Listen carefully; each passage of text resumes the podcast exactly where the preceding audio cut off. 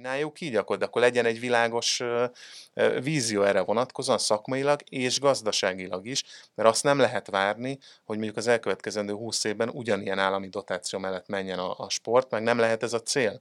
Tehát ahogy mondtuk, a, hogy lehetetlen állami dotáció nélkül sikert elérni, na de ezt valahol át kell vezetni a piacra, és utána meg kell élni a piacon, piaci bevételekből.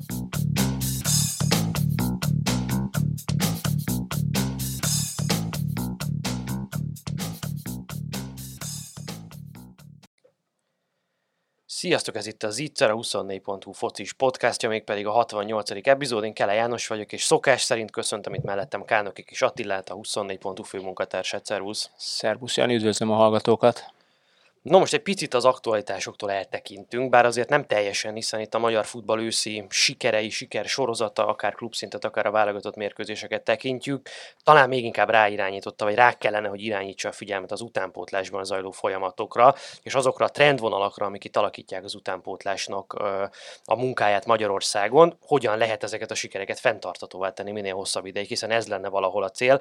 Ennek szellemében született most egy új szabályozás, mégpedig az akadémiákon nevelkedő fiatalok átigazolási szabályát kormányrendeletben alakították át, és ezekről a változásokról, változtatásokról fogunk ma beszélgetni, és ebben a segítségünkre Eszterházi Mátyás játékos ügynök lesz, ugye Szoboszlai Dominik menedzsereként ismerünk téged, szervusz! Sziasztok, köszönöm a meghívást! Köszönöm szépen, hogy elfogadtad a meghívásunkat, és akkor foglaljuk össze, hogy mik ezek a változások, miről beszél itt a kormányrendelet egészen pontosan. Amennyit én megjegyeztem ebből, hozzátéve, hogy én azért nem vagyok ebben annyira otthon, mint, mint ti ketten, hogy egyrészt sokkal nehezebb lesz talán külföldre szerződni, hiszen ugye felnőtt versenyrendszerben 10-szer 70 perc lejátszásához köti ezt a, az MLS, vagyis ez a kormányrendelet, hogy ugye valaki külföldre szerződhessen 15 és 19 éves kor között talán.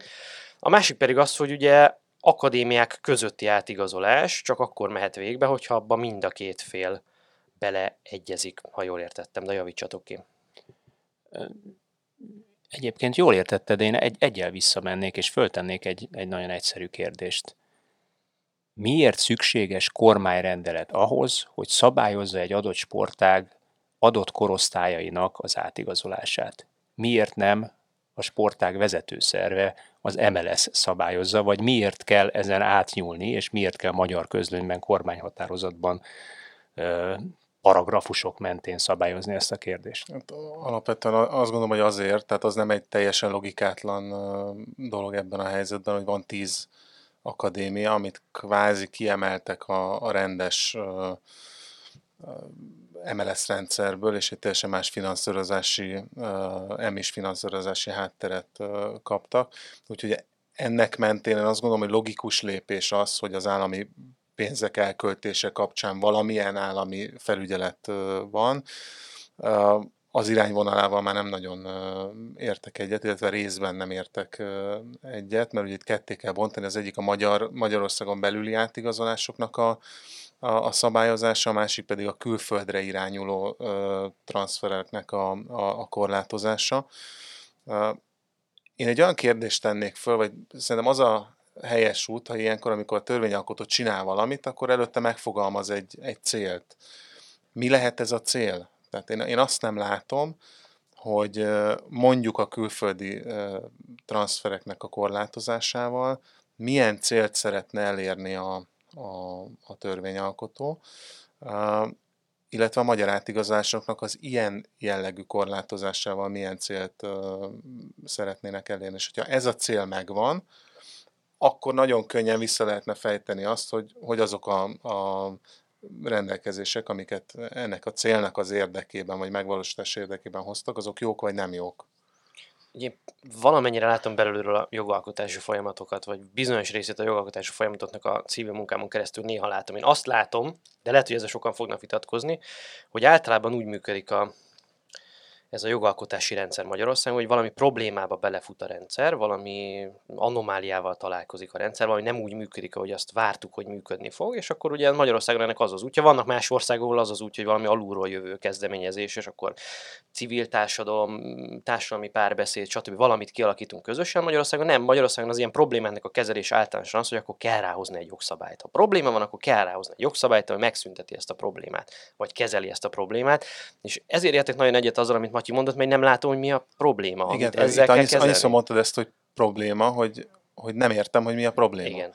Tehát ha az a probléma, hogy egyik akadémia elviszi a másik akadémia játékosát, akkor, akkor az baj, mert, mert az nem probléma, tehát ez a piac.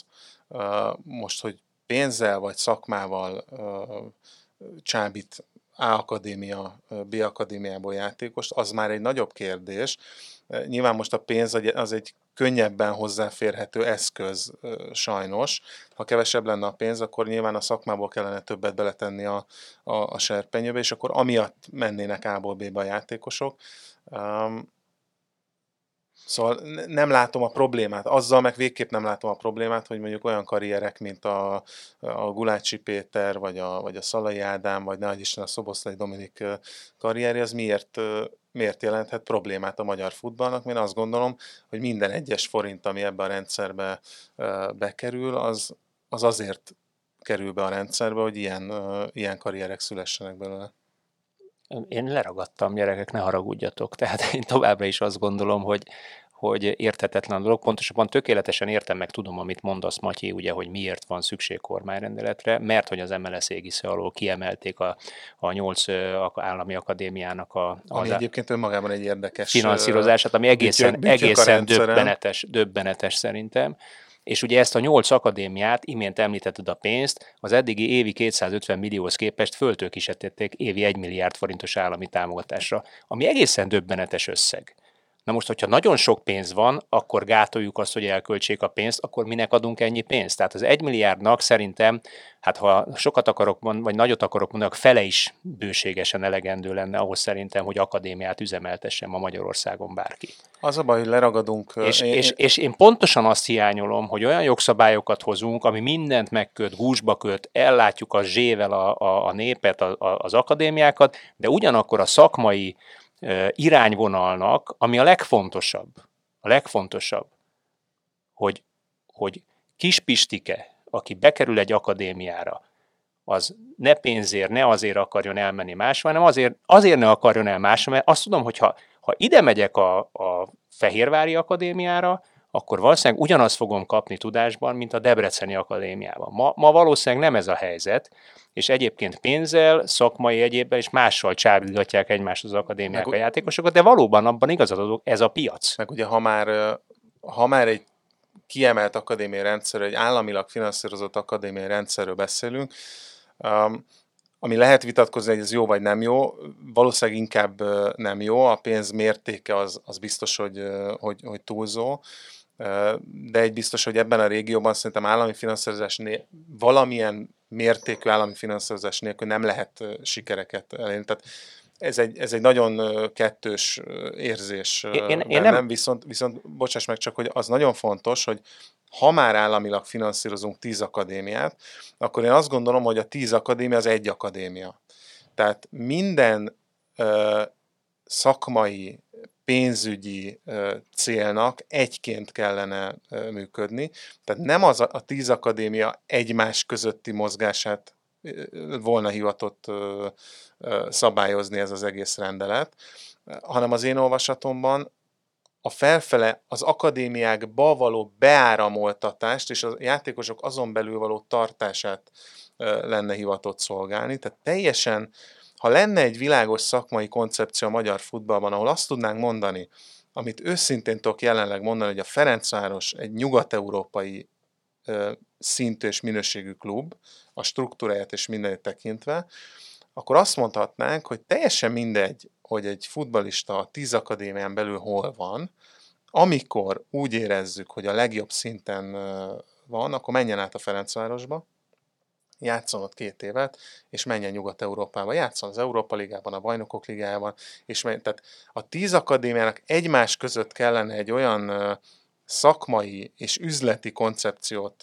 kidolgozni, ami hosszú távon fenntartható azzal, hogy belül tartják a játékosokat az akadémiában. Nem azt kellene elérni, hogy a Puskás Akadémiából ne menjen a Fradiba, vagy az e, Fradiból ne menjen az MTK-ba, vagy a Honvédba játékos, hanem hogy úgy menjen, ahogy ez a leghatékonyabb a, a rendszer szempontjából. Mert ez a szabályozás, ez jelenleg azt fogja feltételezem eredményezni, hogy a tíz akadémiai klubból kifele akarnak majd menni a játékosok, mert a kint lévő klubok olyan szabadságot fognak tudni ö, ö, biztosítani, amire egyébként évek óta vágynak a játékosok. Most is van erre példa egyébként, tehát ez a rendszer az pontosan nem akadályozza vagy gátolja, hogy mondjuk azok a, a játékosok, akik egyébként perememberek az akadémián és nem kapnak játék lehetőséget, vagy későn érő típusak, ezért mondjuk 14-15 éves korban az akadémiák kihányják magukból, hiszen ott egy olyan dinamikus versenyrendszer van, ahol, ahol lásd, meg kell felelni a nagy pénzért, nem szabad kiesni, stb. Ezért ugye ezek a játékosok konkrétan a mai napig már menekülnek ugye a másodosztályba, ahol egy viszonylag szabadabb játékrendszerbe kisebb, jóval kisebb teher mellett, mármint teher, hogy stressz az, hogy ki tudunk esni, és nagyon nagy elvárások vannak az állami adóforintok miatt, viszonylag kényelmesebben játszanak és fejlődnek. Ugyan eltűnnek a válogatott szinteréről, de szerintem, ha számokat mondunk, akkor nagy valószínűséggel nem ad ki több tehetséget vagy első osztályú játékos az akadémia rendszer, mint mondjuk a második vonal pillanatnyilag Magyarországon, mert a tehetség előbb-utóbb úgyis föl fog törni 19-20-21 éves korában. Meg nyilván most uh, hozunk egy szabályozást, erre, erre lesznek piaci reakciók, mert bármennyire is próbálunk eltérni a, a, a piactól, hát teljesen nem lehet. Tehát le, vannak szülők, vannak uh, a piac, piacon más szereplők, akik erre reagálni uh, fognak.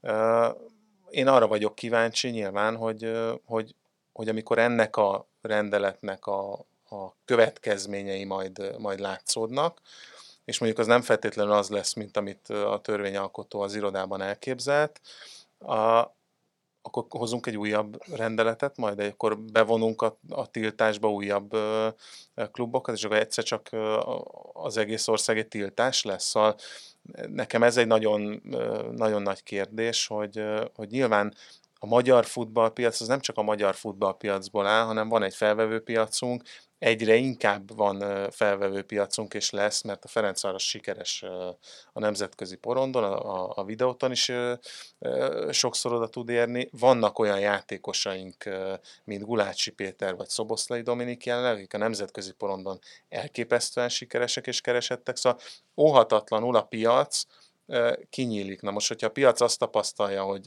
hogy ők nyitnának, de mi zárunk, az megint egy olyan következménnyel járhat, amit, ami ellen dolgozunk az e, mondjuk 20 éve. Nekem lehet, hogy ez egy veszőparipám, de ti nem látjátok ezt még mindig egy mennyiségi problémának? Tehát én, én mindig azt látom, hogy a magyar futball még mindig azzal küzd, hogy nem áll rendelkezésre megfelelő mennyiségben elég magas minőségű játékos bizonyos korosztályban. És ugye ekkor értékelődik fel az, hogy ha egy akadémiának van egy nagyon tehetséges és nagyon jó játékosa, nem 10, nem 20, 1, 2, akkor azokat ugye megéri lerabolni, mert máshol az az 1-2 sincs meg, akkor bejön a nagy pénz, hogy akkor én kétszer annyit fizetek neked, már iszonyatosan fiatal korban, akkor azt nem tudom, nem akarom elengedni, mert én akarom őt elengedni majd külföldre egy millióért vagy másfél millióért, nehogy már a Fradi adja el a videóton, ez, erről Kovács Zoltánnal beszélgettünk itt, hogy ha a Debrecen is el tudja adni a Varga Kevint, aki persze most nem teljesen jó példa, de nem tudom, 850 ezerért a török első osztályba, és a videóton se tudná sokkal többére eladni őt, akkor a Debrecen nem fogja továbbadni őt a hát videóton. Bocsánat, hogyha, még egyszer, hogyha államilag finanszírozott akadémiákról beszélünk, akkor nem mindegy, hogy melyik adja el.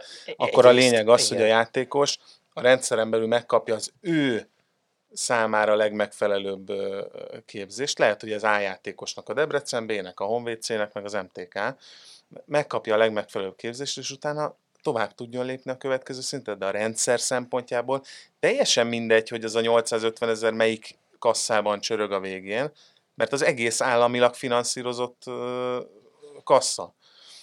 Szóval én ezt a, a, a problémát várnám Uh-huh. feloldani, és, és ezt nem értem, hogy, hogy gyakorlatilag itt államilag finanszírozott klubokról beszélünk, amivel még egyszer mondom, nekem alapjában véve nem túl sok gondom van, az összegekkel igen, de magával a rendszerrel kevesebb.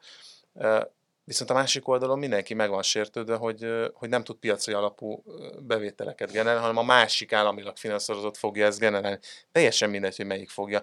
Egy, egy elosztási rendszert kéne, egy szakmai koncepciót kéne kialakítani, és teljesen egyetértek abban, hogyha az állam úgy döntött, hogy ez a tíz akadémia kiemelt, akkor tartsuk a tíz akadémián belül az összes profit lehetőséget, és az összes szakmai siker lehetőséget csináljuk így, akkor, de akkor legyen egy világos vízió erre vonatkozóan szakmailag és gazdaságilag is, mert azt nem lehet várni, hogy mondjuk az elkövetkezendő 20 évben ugyanilyen állami dotáció mellett menjen a, a sport, meg nem lehet ez a cél.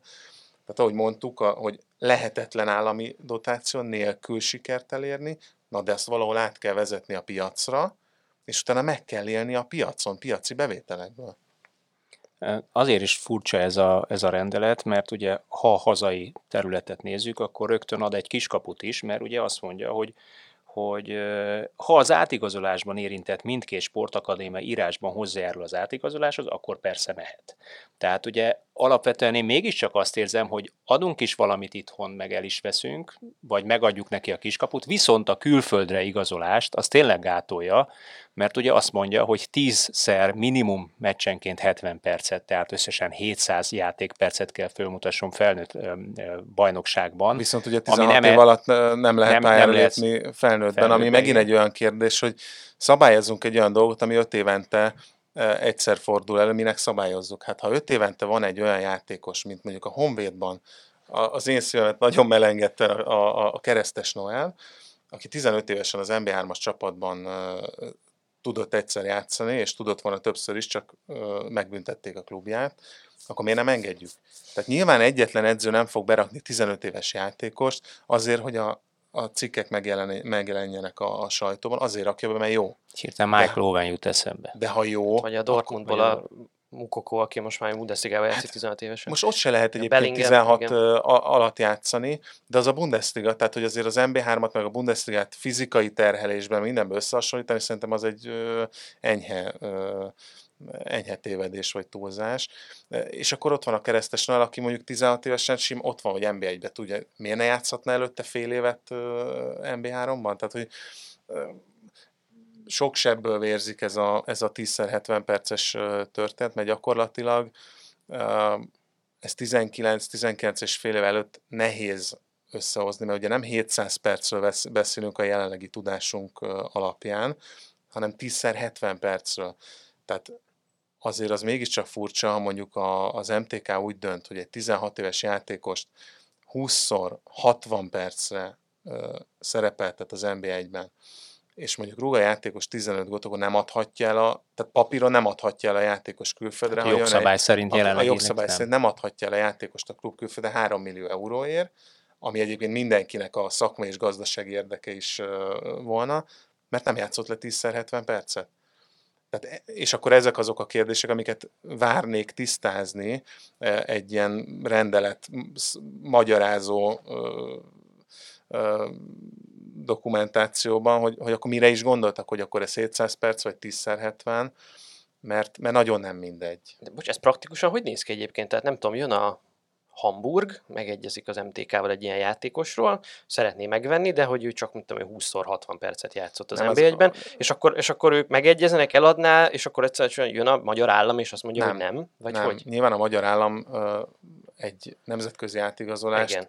Uh, nem tud, tehát azért itt munkajogi kérdések is vannak, szóval itt a munkatörvénykönyvet is változtatni kéne ahhoz, hogy ezeket meg lehessen csinálni, ha mondjuk egy játékosnak van egy kivásárlási ára, vagy akármi. Amit tudnak csinálni az az, hogy ez az általad említett 1 milliárd forintos támogatás terhére büntetik a, a klubot. Tehát ha az állam nem ért egyet azzal, hogy mondjuk egy 10-szer vagy 20-60 percet játszó 16 éves játékos eligazoljon 3 millió euróért, akkor azt tudja mondani, hogy oké, okay, eladhatod, mert nyilván nem szólhatok bele a transferedbe, de akkor mondjuk ugyanannyit, mint amennyire eladtad, levonok az állami támogatásodból. Ami egyébként nem lenne baj, mert nyilván váltható, tehát a piacról ki, kéne kiváltanod az állami támogatást, ez egy tök jó ötlet volna, de a, a, a transfer előtti motivációkat kell itt, itt nagyon jól megnézni, hogy a fix 3 millió eurós, 1 milliárdos állami támogatás az jelen helyzetben sokkal könnyebb és biztosabb, mint a bizonytalan fejlesztésbe ö, tolni az energiánkat, és a piacon eladni 3 millió játékost. És ez a probléma, mert hogyha piacról akarunk behozni, akkor be fogjuk tenni a, a 16 éves játékost. Ha meg nem, akkor nem érdekel, hogy beteszem-e, majd, ha beteszem 20 évesen, és esetleg eladom, akkor tök jó, de egyébként ott van a 3 millió a számlámon, biztosan, rizikó nélkül. Hát de, ezzel, de ezzel megint tökön rúgjuk magunkat, ugye, mert a sport alapvetése már csak az, hogy akit ugye följebb kell léptetni, mert elért egy bizonyos szintet, és nem lépteted egy szinttel följebb, az megragad azon a szinten, és bele szürkül abba a szintbe. Tehát, hogyha egy 16 éves játékos alkalmas arra, hogy mondjuk NB1-ben játszon, de te nem teszed be, mert, mert jó nekem itt a U19-ben is, és ott majd lövi a gólokat, és milyen klassz, akkor az, az, az nem úgy fog fejlődni az a labdarúgó, ahogy, ahogy egyébként elvárható, vagy neki a legjobb lenne. A, a, az a bajom az egész rendelettel, hogy egyébként elindult egy olyan irányba pár klub Magyarországon, hogy játszhatnának fiatalokat. Tehát ha megnézem a Debrecent, oké, kellett hozzá, hogy kiessenek, de megnézem a Debrecent, megnézem az MTK-t, a Honvédot, az Alaegerszeget, és akkor itt három akadémiai, egy nem akadémiai klubról beszéltek, beszélek, ők nagyon komolyan próbálnak fiatal játékosok felé fordulni. Nyilván különböző céljaik vannak a, a magyar bajnokság vagy a nemzetközi poron tekintetében, de próbálnak fiatal játékosok felé fordulni.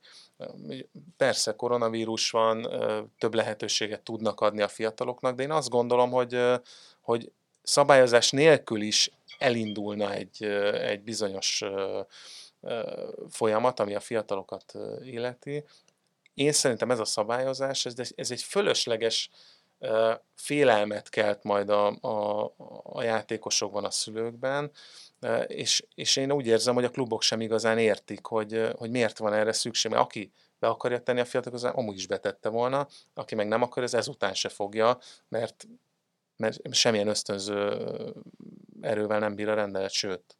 Hát, hátralépve egyet az elő elhangzottak alapján, nagyon úgy tűnik nekem, amit itt lefestettünk, hogyha valaki ugye eladja a játékosát, mert egyébként eladhatja, csak akkor majd megvonják tőle, vagy nem folyosítják az állami támogatásnak hát ez azt a kérdés, részét. Mondjuk. Ez, ez, mondjuk ez Igen, egy, hipote- ez, ez egy hipotetikus dolog, de tegyük fel, hogy de így logikus van. lenne. Ez egy. logikus lenne, abszolút értető lenne. Kettő dolgot jelent ez nekem. A, gyakorlatilag megbüntettük azt a klubot, aki sikeres volt, tehát kinevelt egy jó játékost külföldre.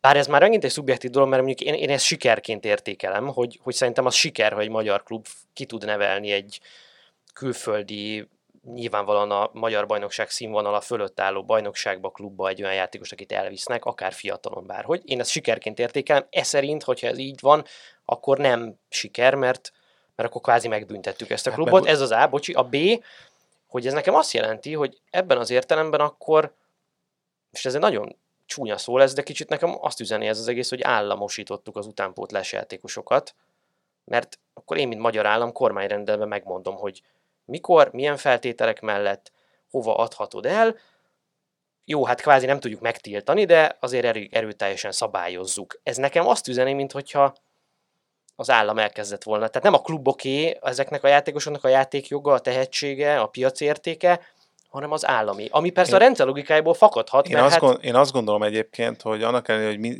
tehát zsigerileg uh, elzárkozom ezektől az állami szabályozásoktól, uh, de az, az alapgondolat az egyébként szerintem nem rossz, tehát ami megszületett, az nem feltétlenül azt mondja, ők nem korlátozni akarják a játékosokat, hanem a klubokat akarják egy picit arra rászorítani, hogy a játékosokat betegyék. Ha már állami dotációval működik a, a, az utánpótlás is, meg az NB1 is gyakorlatilag, akkor tegyük már be a magyar fiatalokat, akik, akik tehetségesek. Tehát szerintem az alapötlet az nem, nem egy gonosz ötlet, viszont az egyértelműen látszódik, hogy aki kidolgozta ezt a, a, a szabályozást, ez nem tudom, hogy, hogy egy személyben történt, vagy, vagy, vagy valami munkacsoport dolgozott, de, de, de nyilván nem, nem látja a futball lényegét, és nem tudja átlátni az összefüggéseket sem magyar szinten, sem, sem a, a külföldi piac tekintetében.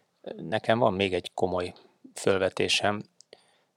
Ugye a FIFA, azon belül az UEFA egy államokon fölülálló, kormányokon fölülálló szervezet, sőt, ugye nem egyszer a FIFA büntetett kormányokat azért, hogy kormány szinten nyúltak bele ugye a, a saját tagszövetségüknek a, a szervezeti dolgaiba.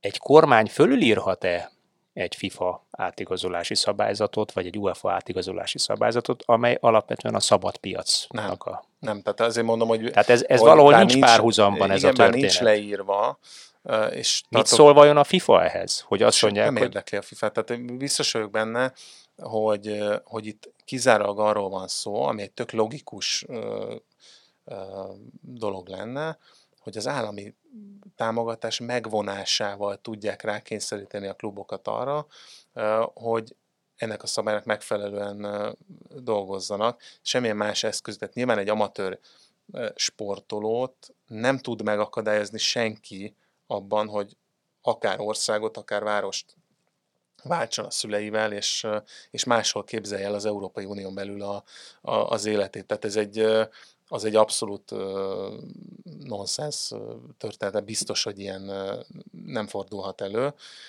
És én azt gondolom, hogy nem is erre megy ki az egész, hanem szeretnének egy olyan környezetet biztosítani, ahol a klubok rászorulnak arra, vagy rákényszerülnek arra, hogy játszassák a gyerekeket, csak én azt gondolom, hogy ezzel pont az ellenkezőt érik el, tehát ez nem az a szabályozás, ami rákényszeríti a klubokat arra, hogy minél hamarabb 10-70 percet adjanak a játékosoknak, mert vagy adnak, vagy nem, vagy eladnak, vagy nem, teljesen minden pénz ott van. De akkor számomra a következő és nagyon egyszerű kérdés adódik ebből, Maradjunk a te példádnál. Szoboszlai Dominiknak nem volt 10-szer 70 perces e, játék, per, játék minősége ugye a magyar első, másod, harmadosztályban, az a felnőtt labdarúgásban. Meg tudja ez a rendelet akadályozni azt, hogy például Szoboszlai Dominik édesapja a saját elképzelései neven, szere, nevelje a gyerekét. Egyébként egy évig az MTK Akadémiába el van, ahol ez ugye már itt dőlt volna ez a történet hogy mondjuk 16 évesen Salzburgba igazoljon. Hát az ő a konkrét példa tekintetében azért nem, mert nem, nem az MTK-ból igazolt. Tehát nem Igen, de ha, de ha már akadémiában van, akkor már onnan nehezen szabadult volna a mai rendszer szerint, vagy a mai kormányhatározat szerint. Hát, abban a tekintetben nem, hogy nem volt profi szerződés a, a, a Dominika. Akkor ez egy speciális Tehát én azt gondolom, igen. hogy aki amatőr szerző, vagy amatőr státuszú játékos. Az mehet ahova akar. Az biztos, hogy mehet ahova, ahova akar. A profi szerzős az pedig még egyszer ki milyen szerzős köt a, a, a klubjával. Tehát, hogyha egy szerzősben vannak olyan kilépési feltételek, amik után a munkajogi kérdés körben vizsgálandóak később, akkor, akkor én, én nem látom olyan lehetőséget, ami megakadályozná a, a játékosok mozgását. Az igaz, hogyha mondjuk egy Szóval versenyhátrányt okoz ez az egész a, a, a magyar futbalistáknak, meg a magyar piacnak, mert ha azt feltételezem, amit én gondolok, hogy mondjuk egy 300 ezer eurós eladásnál az eladási ár összege a büntetés mondjuk, az azt jelenti, hogy hogy duplájára emelkedik a játékos ára a piacon, de a minőség az nem duplázódik. Sőt, nem emelkedik a duplájára, mert hogyha a dupláját kérem, akkor viszont duplája büntetés is. Tehát igazából ez egy 22-es csapdája az árképzés szempontjából.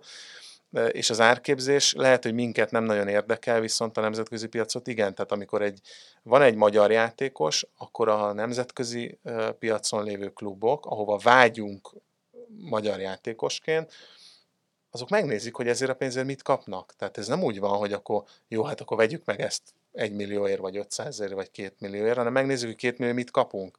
Hát a két millióért kétszer olyan jó játékost kapunk Szlovéniában, Szlovákiában, Ausztriában, vagy bárhol, mint itt, akkor nyilván senki át nem fogja lépni a határt, hogy ide jön játékosért. És ez egy pusztán piaci ö, következménye annak, ami, a, amit zajlik. És ez lehet, hogy milyen rossz májú kérdés ez, de nem ez a cél?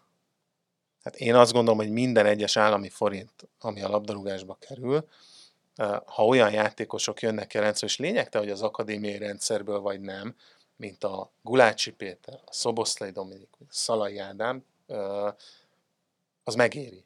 Tehát ezért éri meg, ha már megérésről és beválásról beszélünk, azért éri meg, hogy ezeket a játékosokat lássuk.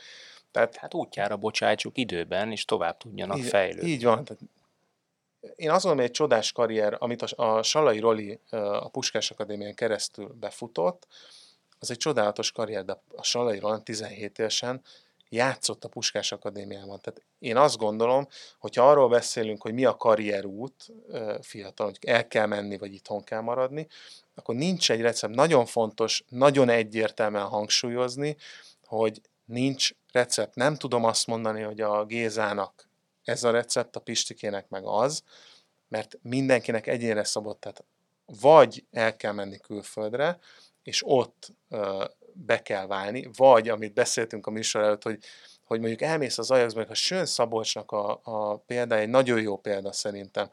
Mindenki kudarcként éli meg, hogy a Sön Szabolcs visszajött az MTK-ba 19 évesen, és ott ö, alapember. Én meg azt gondolom, hogy ő 16 évesen úgy döntött, hogy mondjuk elmegy Oxfordba tanulni, mert szerintem az Ajax Akadémia körülbelül olyan, mint az egyetemi világban, hogyha Oxfordon, Oxfordba tanulná. Ő elment Oxfordba tanulni, és visszajött onnan egy diplomával, és tudja használni a felnőtt futballban 19 évesen, és bár úgy alakulna az ő karrierje, hogy újra nemzetközi érdeklődés legyen iránta. Vagy pedig harmadik útként itthon nagyon fiatalon, úgy, mint a Sallai Roland, játszani kell, mert a legjobb játékosok alkalmasak arra, hogy játszanak NB1-ben. És hogyha játszanának, akkor én azt gondolom, hogy nagyon kevesen akarnának elmenni külföldre, és ez egy nagyon fontos dolog, hogy külföldre nem azért megy az ember, hogy elmondhassa, hogy külföldön van, hanem azért, mert vár egy olyan karrier lehetőséget, amit itthon úgy gondol, hogy nem kap meg, de ha látja, hogy itthon megkapja, akkor minek menne el? Hát akkor játszana itthon az MTK-ban, a Honvédban, az Zalaegerszegben, a Fradiban, és utána el tudna menni. De én úgy látom, hogy azok a játékosok játszanak uh, itthon, mondjuk, hogyha a, a nagy szível emelegetett, mindig mondja, mondják, hogy a, a, a Nagy Ádám a magyar utánpótlás rendszernek a, a terméke. Csak a Nagy Ádám két évet külföldön töltött, mielőtt, miután hazajött, és a Ferencvárosban tudott játszani. Ő azzal a tapasztalattal több lett, érettebb lett, alkalmassá vált arra, hogy a Fradiban tudjon, tudjon játszani. A Sön Szabolcs ugyanígy hazajött és tud, tud játszani. Természetesen vannak ellenpéldák, vannak rossz példák, akik elmentek, visszajöttek és nem váltak be, de én azt gondolom, hogy ott kevésbé a, az út a problémás, hanem a, a minőség, tehát ott a játékos minőségével van gond. No, hát ha már itt vagy velünk, Matyi, akkor azért nem tudjuk, mert nem is akarjuk megkerülni Dominiknek a kérdését. Mozgalmas őszön vagy túl, és hát még túl sem vagy rajta, mert hogy még mozgalmasabb tél jöhet. Ugye? Igen, de hát azért ez legyen a legnagyobb uh, problémánk, úgyhogy uh, nyáron mi hoztunk egy nagyon világos döntést. Dominik úgy döntött, hogy szeretne Salzburgban maradni, újra bejutni a bajnokok ligájába. Ez sikerült. Én azt gondolom, hogy azóta mindenki számára látható lett, hogy ez egy, ez egy valószínűleg jó döntés volt. Újra meg tudja mutatni, hogy, hogy alapember a csapatnak, húzó ember ennek a, a csapatnak nemzetközi szinten, és hála Istennek tudott segíteni a válogatottnak is, úgyhogy most itt tartunk, aztán az, hogy, hogy télen vagy jövő nyáron mi történik, az, az, az, a, az a jövő zenéje. Úgyhogy. Mennyire érződik az, hogy egy amúgy is kuráns termékből még kuránsabb termékké vált? Ajánlatok, megkeresés egyéb szintjén? Abszolút. Tehát, Százalékosan növekedtek az ajánlatok száma, vagy a megkeresések száma, vagy érdeklődések száma? Vagy az értéke növekedett szerinted? a piac értéke most össze? Persze, Vagy mind a kettő? az érték az folyamatosan növekszik, viszont a mi filozófiánk az nem, nem változik. Szóval én, én évek óta tényleg nagyon transzparensen azt közvetítem, hogy, hogy mi mit szeretnénk elérni. Nekünk nagyon, nagyon komolyan az a célunk, hogy a Dominik Európa top játékosai közé jusson valamikor a karrierje során. Hogy ez mikor következik be, az nyilván rajta is múlik, rajtam is múlik, a klubján is múlik, szóval az egy elég sok összetevős történet, de ez a célunk. nem az a célunk, hogy ez 20 évesen bekövetkezzen. Mi azt szeretnénk, hogy a lehető legnagyobb biztonsággal eljusson ide, és ennek megfelelően fogunk klubot választani nektek, függetlenül attól, hogy egyébként ami a sajtóban megjelenik jellemzően, az a Dominik esetében igaz. Tehát azok a klubok, akik bármilyen nagy nevekről is beszélnek, ezek valós érdeklődések. Mi ezek tudatában fogunk úgy dönteni, ahogy, ahogy, ahogy dönteni fogunk, és én, és én azt gondolom, hogy, hogy ez a tudatos karrierépítés és lépcsőzetes gondolkodás, ez, ez hosszú távon kifizetődő eddig is, meg kifizetődő lesz a későbbiekben is. Mit jelent a klubjának, a Salzburgnak? Az kicsit világosíts már meg nekünk, hiszen egyébként tök példa is van rá, de mondjuk speciálisan Dominik esetében, tehát a klubnak magának mit jelent az, hogyha egy ilyen presztízsű játékos tud fölnevelni, fölépíteni, és aztán továbbadni bárhova is? Az az érdekes, hogy, hogy, hogy- a Salzburggal mindig egy nagyon komoly partneri viszonyom volt nekem is, a Dominiknak is, az édesapjának is, tehát hogy, hogy 16 évesen ugyanazt a, a törődést éreztük, mint, mint most, amikor, amikor sok 10 millió eurós értékről beszélünk. És én azt gondolom, hogy pont ez az, amiért el tudott jutni ide a, a, a Dominik, mert folyamatosan így állt hozzá a, a klub, és ő is úgy állt a klubhoz, ahogy, ahogy mindvégig kommunikáltuk, és szóval nagyon nagy, nagy értéke a klubnak a, a, a Dominik, és ezt folyamatosan érezzük, úgyhogy tényleg én, én csak pozitív, pozitívan tudok beszélni erről a kapcsolatról, mert mondom, nekünk ez egy nagyon fontos eleme az ő karrierépítésének, és, és én azt gondolom, hogy, hogy enélkül a klub nélkül nem, nem jutott volna ide, vagy idáig. Vagy Hát nem ilyen hamar, bocsánat. Örömteli ezeket hallani, meg hát örömteli a, a BBC-n olvasni Konstantin Eknernek a cikkét egy magyar játékosról, meg, meg örömteli az, amikor, amikor gólt szerez éppen Dominika válogatottban, és azt nem csak a magyar közösségi médiában hír, hanem felrobban a Twitter, vagy legalábbis az én Hát meg Twitter az AS címlapján látni. Pontosan. Tehát ezek Hát azért sőt, olyan én dolgok... egyébként azt tapasztalom most már, hogy külföldön talán még nagyobb is a, a, a hype, mint itthon a, a Dominik körül.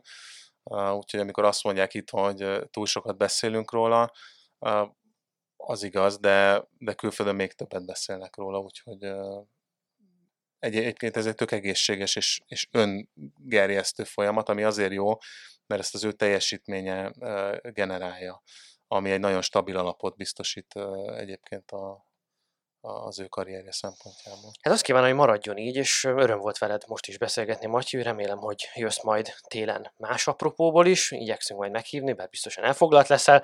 A hallgatóknak köszönjük a figyelmet, és arra kérjük őket, hogy tartsanak velünk majd a jövő héten, és amikor új vendéggel, új témával, de lehet, hogy hasonló témával, ezt majd még megbeszéljük, érkezik az ittszer. Sziasztok! Sziasztok! Sziasztok!